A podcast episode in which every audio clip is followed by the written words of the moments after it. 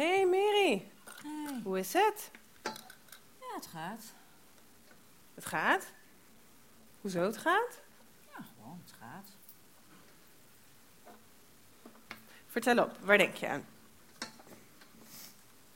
Nou, ik dacht eigenlijk aan die samenkomsten elke week. Die huissamenkomsten. Oh, die at-home groepen. Ja. Ja, gaaf hè? Wij hebben zo'n leuke groep. Heb jij ook zo'n leuke groep? Maar, leuk.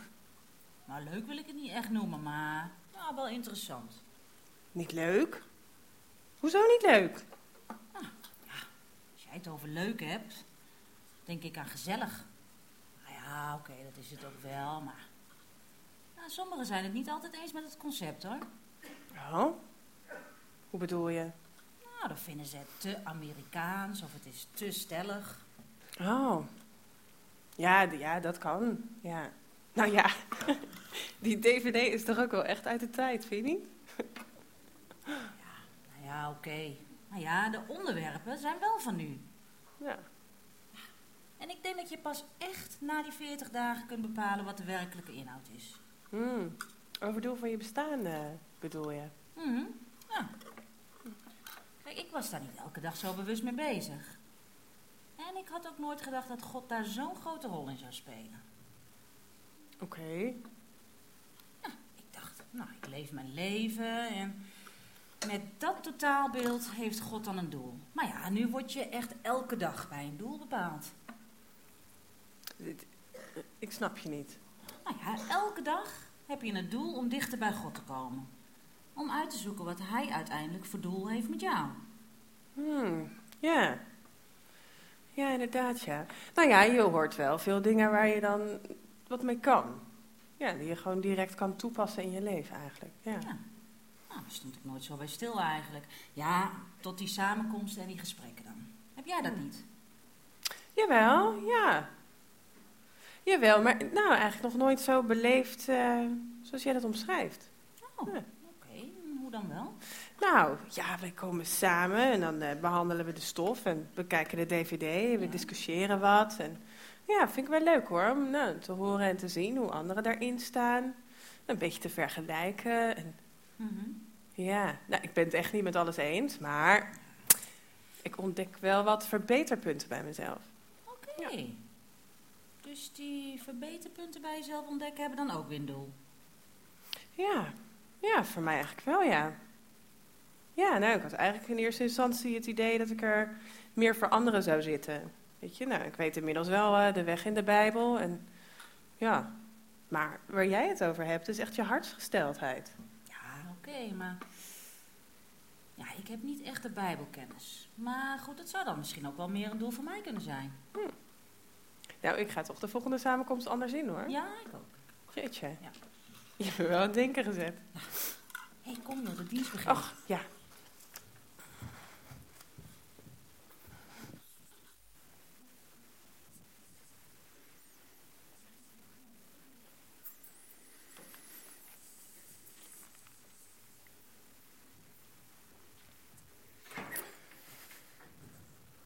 Ja, de at-home groepen. Een heleboel van ons bezoeken die at-home groepen wekelijks in deze 40 dagen periode. 35 groepen die er zijn. Het kan zijn dat je daar zelf nog geen onderdeel van bent. Maar ik kan zeggen dat het zeer de moeite waard is. En misschien dat je na de periode van 40 dagen wil aanhaken, want dan gaan de at-home groepen ook door. En dat is eh, ja, iedere keer weer heel gaaf om zo mensen te ontmoeten. En om zo ook een stukje samen een zoektocht door te maken. Soms eh, vinden mensen het wat een hoge drempel. Denken ze, ja, kom ik in een groep waar alle mensen alles, alle antwoorden weten. Nou, die mensen bestaan niet die alle antwoorden weten. Het is juist heel gaaf om op die manier samen een stukje op te trekken. En, eh, en meer te ontdekken. Ook rondom deze vraag en deze periode. Maar ook daarna. En de komende weken zullen jullie nog heel wat horen over wat het vervolg wordt ook op deze 40 doelgerichte dagen. Deze periode van nadenken over dit thema. Ja, we zijn aan eh, deel 4 gekomen. Ehm, het derde doel. We hebben een inleiding gehad en al twee doelen. Het eerste doel was leven tot eer van God. En het tweede doel voor je leven is onderdeel uitmaken van Gods gezin. Als je die diensten misschien hebt gemist omdat je hier vandaag voor de eerste keer bent, je kunt ze via internet of via de app, zoals we net hoorden, terugkijken. Ehm, vandaag vierde dienst en het derde doel. En als thema hebben we laat je positief beïnvloeden. Ja, beïnvloeden, uh, beïnvloed worden, dat is iets wat ons hele leven eigenlijk gebeurt. Van jongs af aan wordt je beïnvloed door mensen en gebeurtenissen om je heen. Dat begint al met je ouders en, en familie eromheen, met vrienden, met, door leraren en leraressen. Um, uh, idolen misschien, hè, waar je graag op wil lijken en die ook een stukje aandeel hebben in de ontwikkeling van jouw persoonlijkheid, van wie je uiteindelijk bent. Je partner, als je wat verder bent, werkgever die weer invloed op je uitoefent. Kinderen, als je ze mag krijgen, die ook weer invloed op je uitoefenen. Overheid, religie, nou zo kun je de lijst misschien nog wel langer maken. Gedurende je hele leven word je beïnvloed door omstandigheden om je heen. En ja, zoals sommigen zeggen, vormt je dat ook. En ik denk dat we dat ook wel logisch vinden. Je persoonlijkheid is eigenlijk een combinatie van aangeboren eigenschappen en daarnaast ook nog een keer aangeleerde eigenschappen. En ze noemen het ook wel nature en nurture. Dus nature, dat wat je van nature bent, en nurture, dat wat er eigenlijk als input inkomt. Uh, niet iedereen denkt er zo over, over, denkt er zo over. Al honderden jaren wordt er over gediscussieerd. Sommigen zeggen namelijk, nee, we zijn ervan overtuigd dat een nieuw leven, een baby, geboren wordt als een onbeschreven blad. Een zogenaamde tabula rasa. Dus helemaal leeg. En alles komt daarna aan eigenschappen door juist de invloed en gebeurtenissen in het leven. Nou, wat ik al zei, daar, daar steggelen ze al honderden jaren over. En dat maakt ook eigenlijk niet zoveel uit voor het thema waar we vandaag over nadenken. Want wat in ieder geval zeker is, hoe, het, hoe je persoonlijkheid ook precies tot stand is gekomen. Er zijn momenten dat, je je, dat er dingen zijn in je persoonlijkheid die je zou willen veranderen. Ik weet niet of je dat ook hebt. Als je dat niet hebt, als je denkt dat je perfect bent, dat is al meteen een risico dan zing je, ga je voor de spiegel staan en dan zing je dat liedje. Het is moeilijk bescheiden te blijven. Wanneer je zo goed bent als ik. Dat ken je wel, hè? Zo goed en zo stoer en zo rechtvaardig. Dat zie je in één ogenblik. Ik denk als ik kijk in de spiegel, daar staat een geweldige vent. Het is moeilijk bescheiden te blijven wanneer je zo goed bent als ik. Nou, dat is dat liedje. Als je dat zingt, heb je per definitie een probleem. En daar hebben we nazorg voor en gesprekken en zo. Dus dat... Maar ik denk dat voor de meesten van ons wel geldt dat je soms in je persoonlijkheid dingen tegenkomt waar je zegt, ja, ik zou, dat ik, daar, ik zou willen dat ik daar wat anders in, in was. Dat ik wat milder zou zijn bijvoorbeeld, of dat ik wat minder opvliegend zou zijn. want dat brengt me vaak in de problemen. Of dat ik wat vriendelijker zou zijn, of wat moediger, of wat vrijgeviger. Of wat er dan ook in je persoonlijkheid aanwezig is waar je niet zo eh, blij mee bent. Nou, meestal als we dat proberen te veranderen, blijkt dat een aardige, ingewikkelde job. Um, zelfs heel veel eenvoudiger veranderingen dan het veranderen van je persoonlijkheid stranden al vaak heel snel.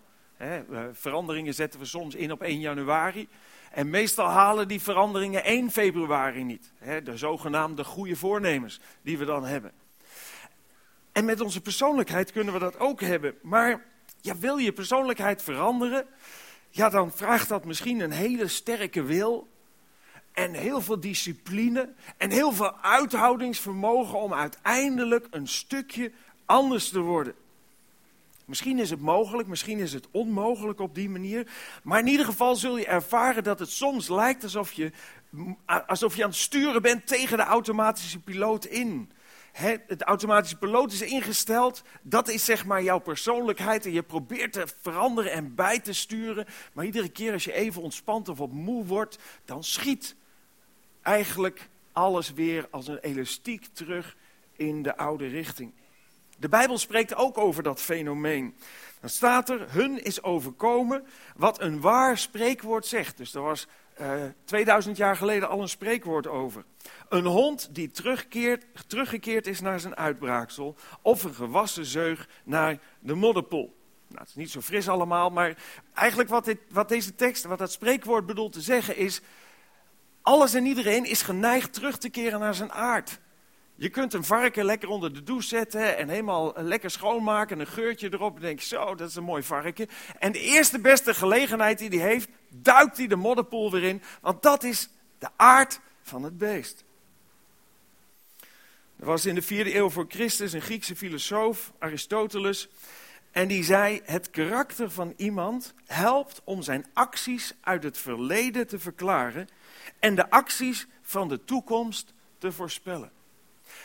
Die zei eigenlijk als het ware, het ligt zo vast, je persoonlijkheid, je karakter, dat je precies kunt uitleggen waarom je in het verleden bepaalde dingen hebt gedaan en precies kunt uitleggen wat je in de toekomst gaat doen, want ja, dat is daaraan gekoppeld. Nou, dat is misschien een leuke opmerking voor mensen die niet zo graag willen veranderen.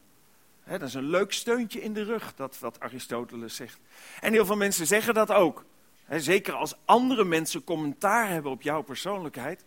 Dan zeggen ja, je moet me maar nemen zoals ik ben. Zo ben ik nu eenmaal. als een vergoeilijking eigenlijk van misschien hele negatieve kanten die je hebt. Maar zo ben ik nou eenmaal en ik kan niet veranderen, is niet iets wat ik in de Bijbel herken. Ik herken niet dat God ons aanspoort om te zeggen, zo ben ik nu eenmaal. De Bijbel is eigenlijk behoorlijk negatief over hoe we nu eenmaal zijn.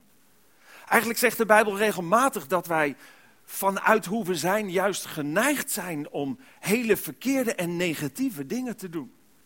En dat die negatieve dingen een negatief effect hebben op ons eigen leven en op het leven van mensen om ons heen. We zijn geneigd juist het kwade te doen en niet het goede.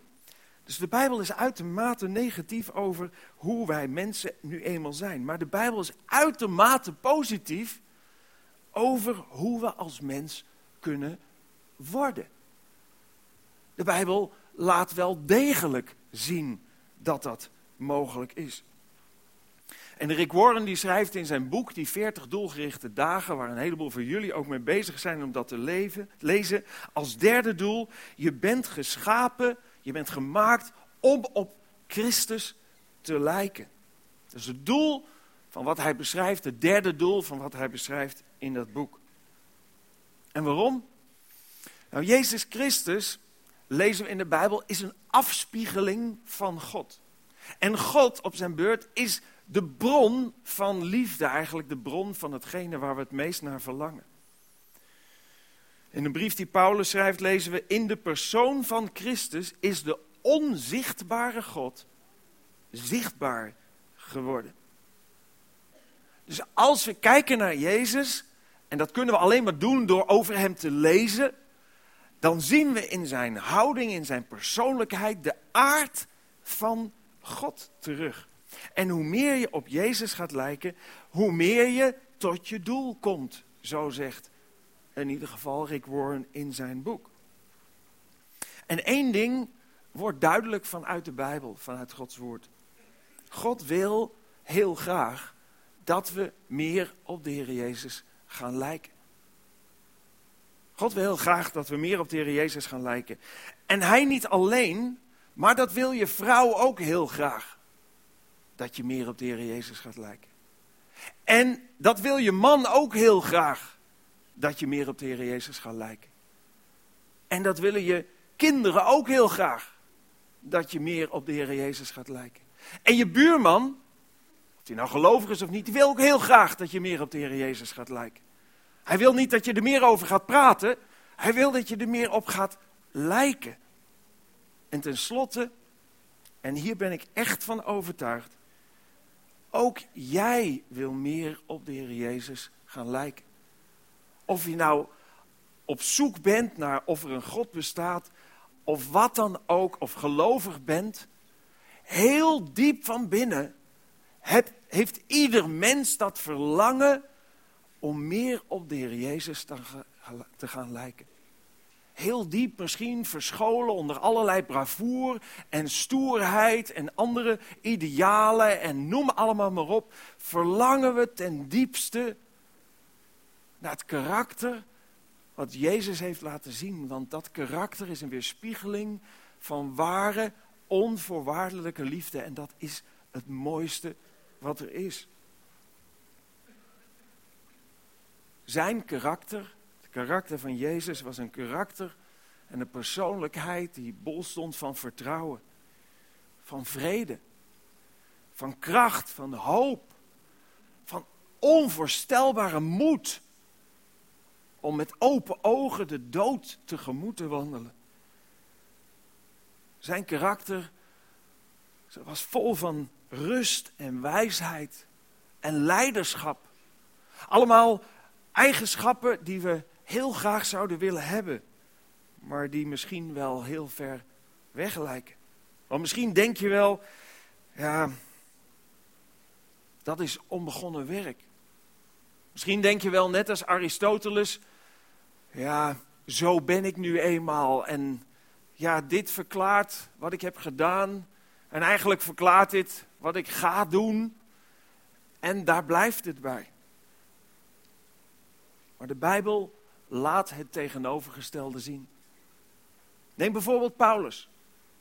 Paulus is een persoon eh, die nogal een persoonlijkheidsverandering heeft ondergaan, zoals we dat in de Bijbel kunnen zien. Hij is de auteur van het grootste gedeelte van het Nieuwe Testament. Hij heeft een tijd in de eerste eeuw een heleboel kerken gesticht. En hij was iemand met karaktereigenschappen die steeds meer gingen lijken op die van de Heer Jezus. Maar na een grote verandering in zijn leven. Want wat we in eerste instantie van hem lezen is niet zo positief. In Handelingen staat, Saulus, zo was zijn naam voordat hij die grote omslag in zijn leven maakte. Saulus deed zijn uiterste best de volgelingen van Jezus uit te roeien. Hij drong niets en niemand ontzien hun huizen binnen, sleurde mannen en vrouwen naar buiten en zette hen in de gevangenis.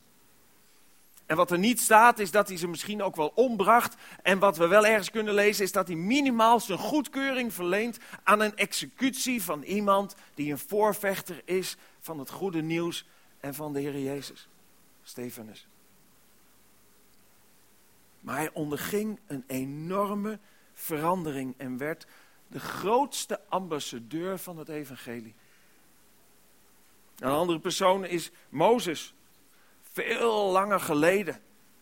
Die leefde en werd geboren in het land Egypte, waar het volk Israël in, in slavernij was. En dan lezen we van hem, van de periode op latere leeftijd. Mozes nu was een zeer zachtmoedig man, meer dan enig mens op de aardbodem. Er wordt iets van zijn karakter gezegd. Maar als we kijken naar zijn jonge jaren, dan lezen we toen Mozes een man was geworden, kreeg hij aandacht voor de erbarmelijke omstandigheden waaronder zijn volk moest leven in die ballingschappen in Egypte. Op een dag was hij getuige van dat een Egyptenaar een Hebreeër een pak slaag gaf. Hij overtuigde zich eerst ervan dat er niemand in de buurt was, sloeg toen de Egyptenaar dood en begroef het lijk onder het zand. Je zou kunnen zeggen, een hele andere persoon die je op dat moment ziet. En op een moment later in zijn leeftijd, er was, in zijn leven, er was veel veranderd aan zijn karakter, aan zijn persoonlijkheid. En zo zijn er nog talloze voorbeelden te geven vanuit de Bijbel van mensen die juist wel ontzettend zijn veranderd. En ook uit onze tijd zijn er bendeleiders, moordenaars, verkrachters, die totaal veranderen en evangelisten worden. Verkondigers worden, voorvechters worden van de boodschap van liefde en de boodschap van vrede en van harmonie. Iets wat haaks stond, volledig haaks op hun leven en op hun karakter en persoonlijkheid. We hebben hier in de basis uh, Joop Godmers gehad. Joop Godmers die gevreesd werd door iedereen in Amsterdam en omstreken. Um, een, een, een harteloos figuur. Um, die, die mensen naar het leven stond. Die mensen het leven zuur maakte. die, die handelde in drugs en mensen afperste en noemde noem maar op. En als je hem nu hoort spreken, kun je bijna niet geloven dat dat dezelfde persoon is als toen. Zo veranderd. Of neem die beroemde Nicky Cruz, die benderleider was in New York, gevreesd door alles en iedereen, die zo ontzettend veel jaren in zijn leven nu een voorvechter is van het evangelie, van de liefde van God, van harmonie. En sommige mensen die kijken daarna en die denken, het was een stoere vent en nu is het een mietje. Of denken van, dat gebeurt er als je tot geloof komt. Eerst was je stoer en nu ben je een doetje. Maar Nicky Cruz is geen doetje en Joop Godmers is geen doetje. Er is een hoop moed voor nodig om te doen wat zij doen. Maar God heeft hun veranderd van binnenuit. Er is een tv, televisieprogramma dat heet God verandert mensen.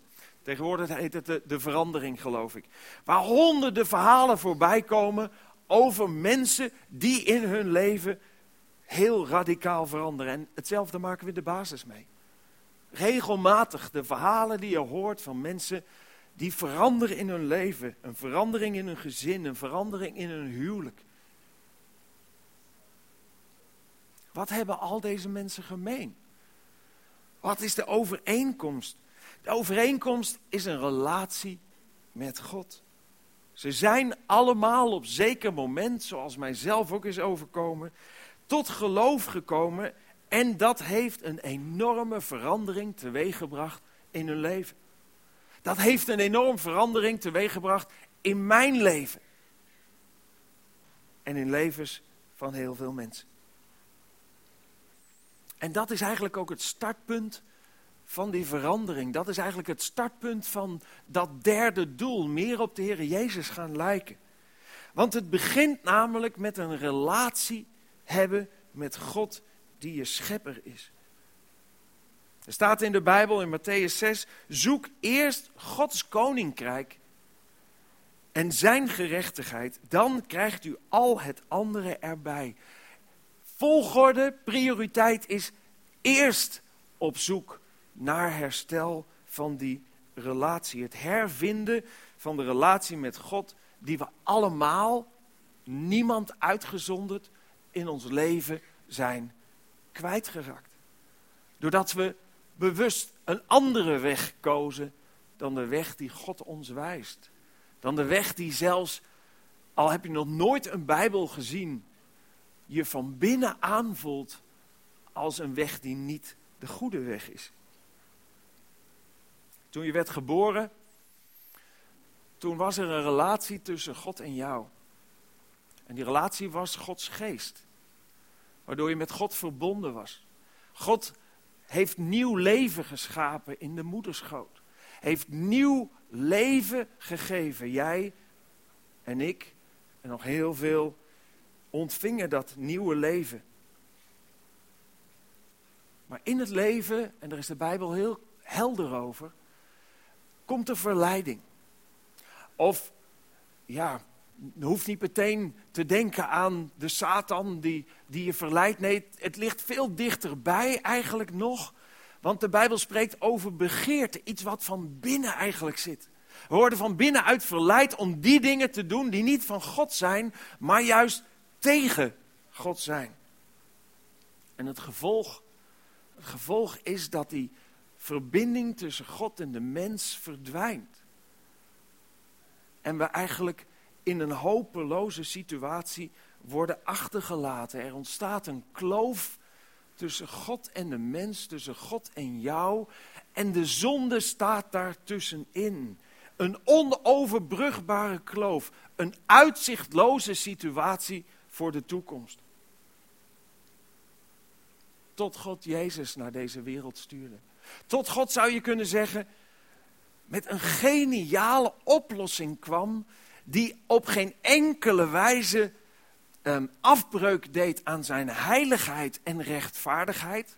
Want als je een wet uitvaardigt en je, je, je handhaaft die wet niet, ben je natuurlijk volstrekt ongeloofwaardig.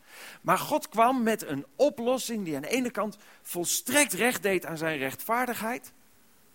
En aan de andere kant helemaal zijn liefde en barmhartigheid en genade, zijn onverdiende gunst voor ons mensen liet zien. Ik heb het voorbeeld wel eens gegeven aan de hand van een, van een rechter die recht sprak en een, een, een persoon die veroordeeld werd. En die bleken studievrienden van elkaar te zijn. En die man die veroordeeld was dacht, ik kom er wel goed uit, want ik ken die rechter. En hij werd toch veroordeeld voor een straf die hij nooit, voor een, voor een boete die hij nooit kon betalen. En daardoor ging de gevangenis in. En een moment later, of een paar weken later, kwam een cipier bij hem en zegt, joh, je mag eruit, je bent vrij. Ik vrij? Dat kan niet. Ik, ik, ik, moet, ik moet honderdduizenden euro's boete betalen en ik heb geen geld en niemand in mijn omgeving heeft dat geld. En dan hadden ze, wouden ze het niet voor mij uitgeven. Hij zei, klopt het dat jij en, en, en de rechter studievrienden waren vroeger? Ja, zegt klopt wel. Hij is de goede kant op gegaan en ik de verkeerde kant. Hij zegt, nadat hij je heeft veroordeeld, heeft hij zijn huis te koop gezet, heeft hij zijn huis verkocht. En hij heeft jouw boete betaald. Dat is aan de ene kant rechtvaardigheid, een rechtvaardig oordeel vellen. En aan de andere kant zeggen, vanuit liefde en barmhartigheid kies ik ervoor om de prijs die rechtvaardig is opgelegd, de boete die rechtvaardig is opgelegd, te betalen. Dat is wat God deed toen hij zijn zoon, de Heer Jezus Christus, naar deze aarde stuurde. Hij stierf aan het kruis om jou en mijn prijs te betalen. Om de boete te betalen voor onze schuld. En zo verbond hij opnieuw de mens die verloren was, jij en ik, met hemzelf. En dat lezen we ook, want zo lief heeft God de wereld gehad, dat hij zijn enige geboren zoon gegeven heeft opdat ieder die in hem gelooft niet verloren gaat, maar eeuwig leven heeft. Dat is wat God ons verlangt te geven. Want God heeft zijn zoon niet in deze wereld gezonden opdat hij de wereld zou veroordelen, maar opdat de wereld door hem behouden zou worden. Ik zei net, wat hebben al deze mensen gemeen die zo'n positieve verandering hebben ondergaan? Ze zijn op zeker moment tot geloof gekomen en daardoor hebben ze andere prioriteiten in hun leven gekregen. Andere verlangens. Ze hebben andere waarden ontdekt. Kortom, ze zijn anders gaan denken. En dat is ook precies zoals Paulus het omschrijft als hij zegt: Word niet gelijkvormig. Je zou kunnen zeggen: Blijf niet gelijkvormig aan deze wereld. Maar word innerlijk veranderd door de vernieuwing van uw gezindheid, door het vernieuwen van je denken. Om te kunnen onderscheiden wat de goede, welbehagelijke en volmaakte wil van God is. Je zou kunnen zeggen, om te ontdekken wat het doel van God is voor mijn leven. En hij spreekt in deze tekst over een innerlijke verandering. Niet iets wat jij doet met een hoop moeite en, en doorzettingsvermogen en, en, en, en, en met al je kracht erop. Nee, iets wat van binnenuit eigenlijk door God zelf bekrachtigd wordt.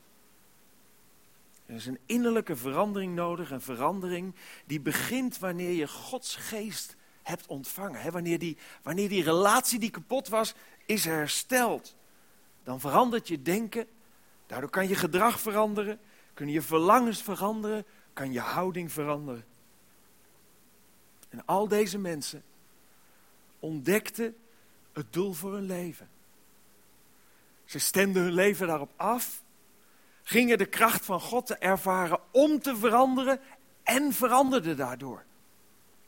Je zou kunnen zeggen, God werkt als een, als een tom-tom en stuurbekrachtiging. Allebei samen. Ten eerste, Net als de TomTom, hij wijst de weg.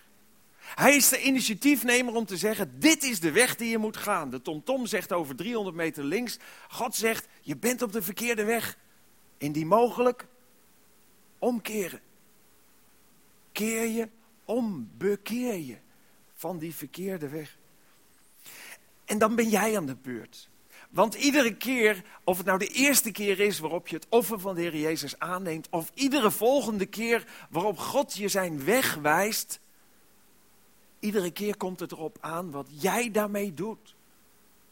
Wat doe jij met jouw wil op dat moment? Stuur je naar die richting of stuur je niet?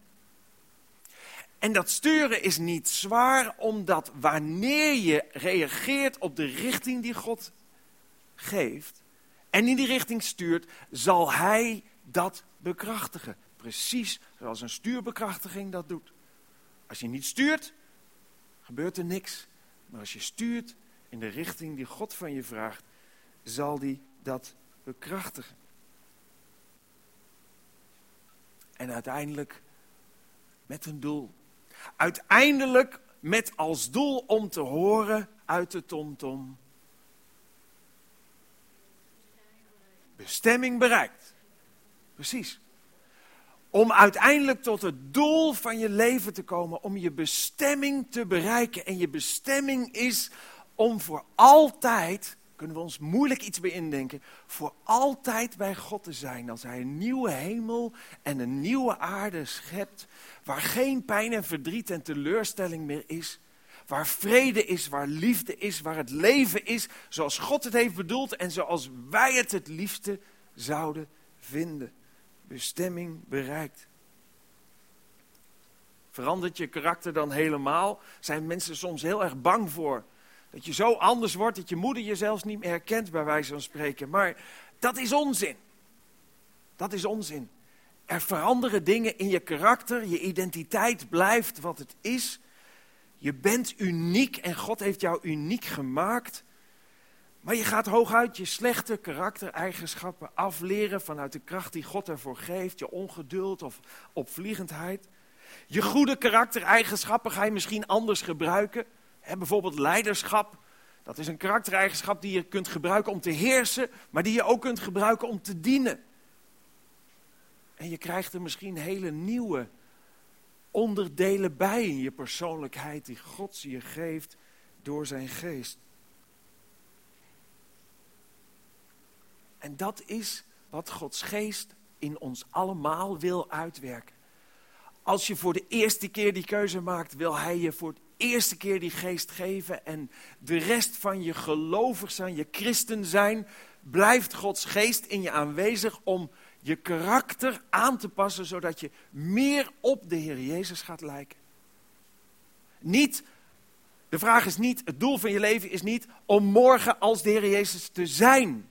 Dat kan niet. Maar meer op hem te gaan lijken. Want er staat in Galaten, maar wat de geest doet groeien en rijpen, is liefde, vreugde en vrede, geduld, vriendelijkheid, goedheid en vertrouwen zachtmoedigheid en zelfbeheersing. Let er goed op wat er staat. Er staat wat de geest doet, groeien en rijpen. Het is een proces, het is een doorgaand proces van steeds mooier worden. Steeds meer gaan lijken op de Heer Jezus.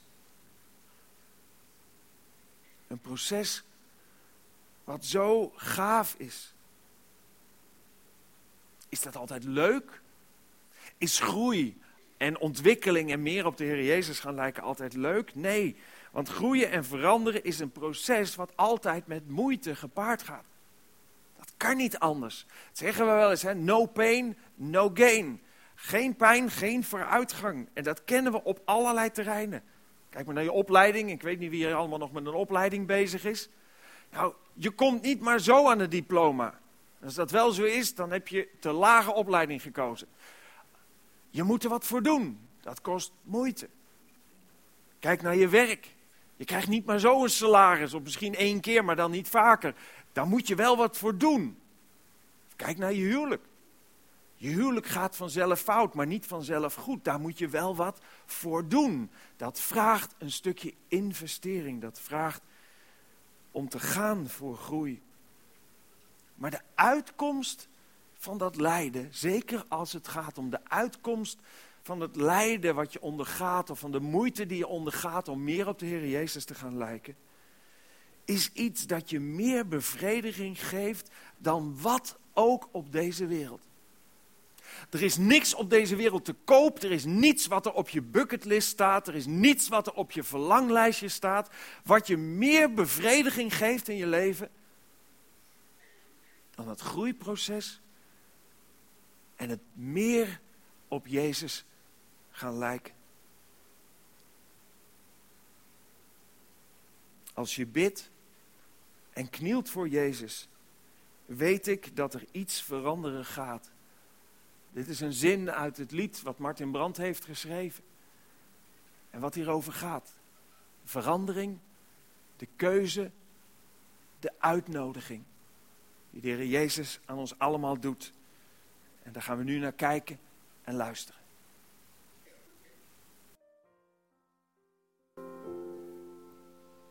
Ik heb Jezus nooit gezien. Nooit zachtjes aangeraakt. Nooit hoorde ik hem lachen aan mijn tafel om een grap of iets dat hij had meegemaakt. Nog nooit zag ik hem eten of dansen op een feest. Al die alledaagse dingen ben er nooit echt bij geweest. Dus hoe kan ik dan zeggen dat ik zoveel van hem hou? En hoe kan ik dan zingen dat ik hem geloof en hem vertrouw?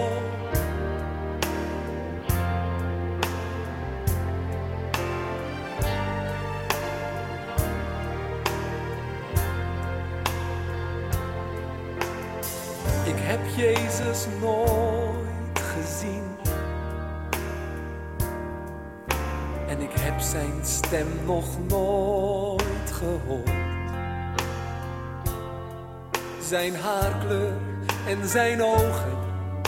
Ik heb geen flauw idee. Zo weinig dat ik zeker weet. En ik heb hem niet zien lijden. Voordat hij stierf aan het kruis voor mij. En toen hij opstond, was ik er weer niet bij. Maar hoe kan ik dan zeggen dat ik zoveel van hem hou? En hoe kan ik dan zingen ik hem geloof en hem vertrouw? Ja, ik weet, het klinkt onlogisch. En ik snap dat je sceptisch bent. Maar sinds ik hem mijn hart gaf, heeft mijn hele wezen God herkend.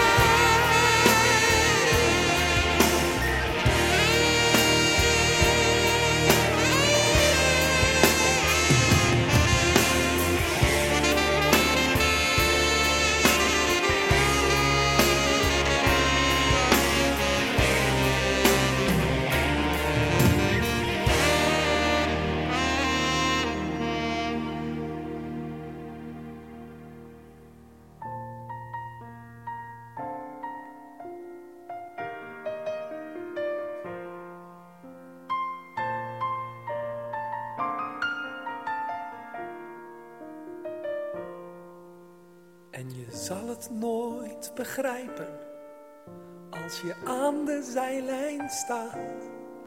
Maar als je eerlijk zoekt naar Jezus, als je bidt en vraagt om Jezus, als je knielt en bidt tot Jezus, weet ik dat er iets veranderen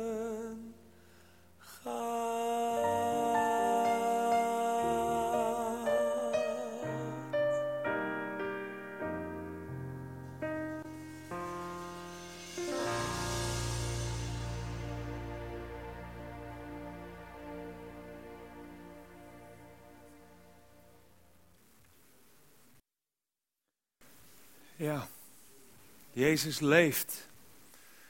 En de uitnodiging van zo lang geleden is een uitnodiging van vandaag. Aan ons allemaal. En misschien heb jij nog nooit die keuze in je leven gemaakt. Misschien heb je nooit de keuze gemaakt om die uitgestrekte, van, uitgestrekte handen van Jezus aan te nemen. Als hij zegt, ik hou van je. En ik verlang er zo naar om een relatie met je te hebben. Aanvaard toch het offer wat ik voor jou heb gebracht. Aanvaard toch dat ik de prijs heb betaald voor jouw leven. Jezus, Jezus was het die zei, ik ben de weg, de waarheid en het leven. Niemand komt tot de Vader dan door mij. Hij is de enige die die weg heeft vrijgemaakt. En in jou, in jou en in jou de uitnodiging. Wil je dat offer aannemen en mij volgen? Wil je meer op mij gaan lijken? Maak dan de keuze vandaag om dat offer te aanvaarden en Hem te volgen. We gaan met elkaar bidden. En tijdens dat gebed wil ik een moment vragen dat we onze ogen gesloten houden. En je ook uitnodigen om die keuze vandaag te maken. Door dat zichtbaar te maken, door je hand op te steken, voor jou een mijlpaal. Een bewuste en overtuigende stap die je maakt om Hem te volgen. Zullen we samen bidden? Dank u wel, Heere God, dat u zoveel van ons houdt. Heer, en heel diep van binnen verlangt ieder mens naar u. We verlangen naar uw onvoorwaardelijke liefde, naar de vrede die u alleen u geven kan. Naar de rust. We verlangen zo naar hoop voor dat wat er gaat komen. Verlangen zo naar zekerheid voor de dingen die over de grens van de dood zijn. Heer, en u kent ons hart zoals we hier allemaal zitten. U kent ons leven. Ik wil u zo bidden, Heer, of u ons hart wilt aanraken door uw Heilige Geest. Wilt u kloppen aan de deur van de mensen die hier zitten, die misschien nog nooit hun hart voor u hebben geopend. Dat ze vandaag de keuze mogen maken om te zeggen, ja, dat is wat ik wil. Ik wil het offer aanvaarden, Hem volgen. Ik wil een kind van God worden. Ik wil perspectief in mijn leven krijgen, ook voor over de grens van de dood. Ik wil je vragen nog een moment je ogen gesloten te houden. Ik wil je vragen, als jij die keuze vandaag wilt maken, maak dat dan kenbaar door je hand op te steken. En een mijlpaal te zetten in jouw leven. Steek je hand maar op. Dankjewel, dankjewel, ik heb je hand gezien. Nog meer mensen die die keuze willen maken vandaag. Dankjewel, ik heb je hand gezien.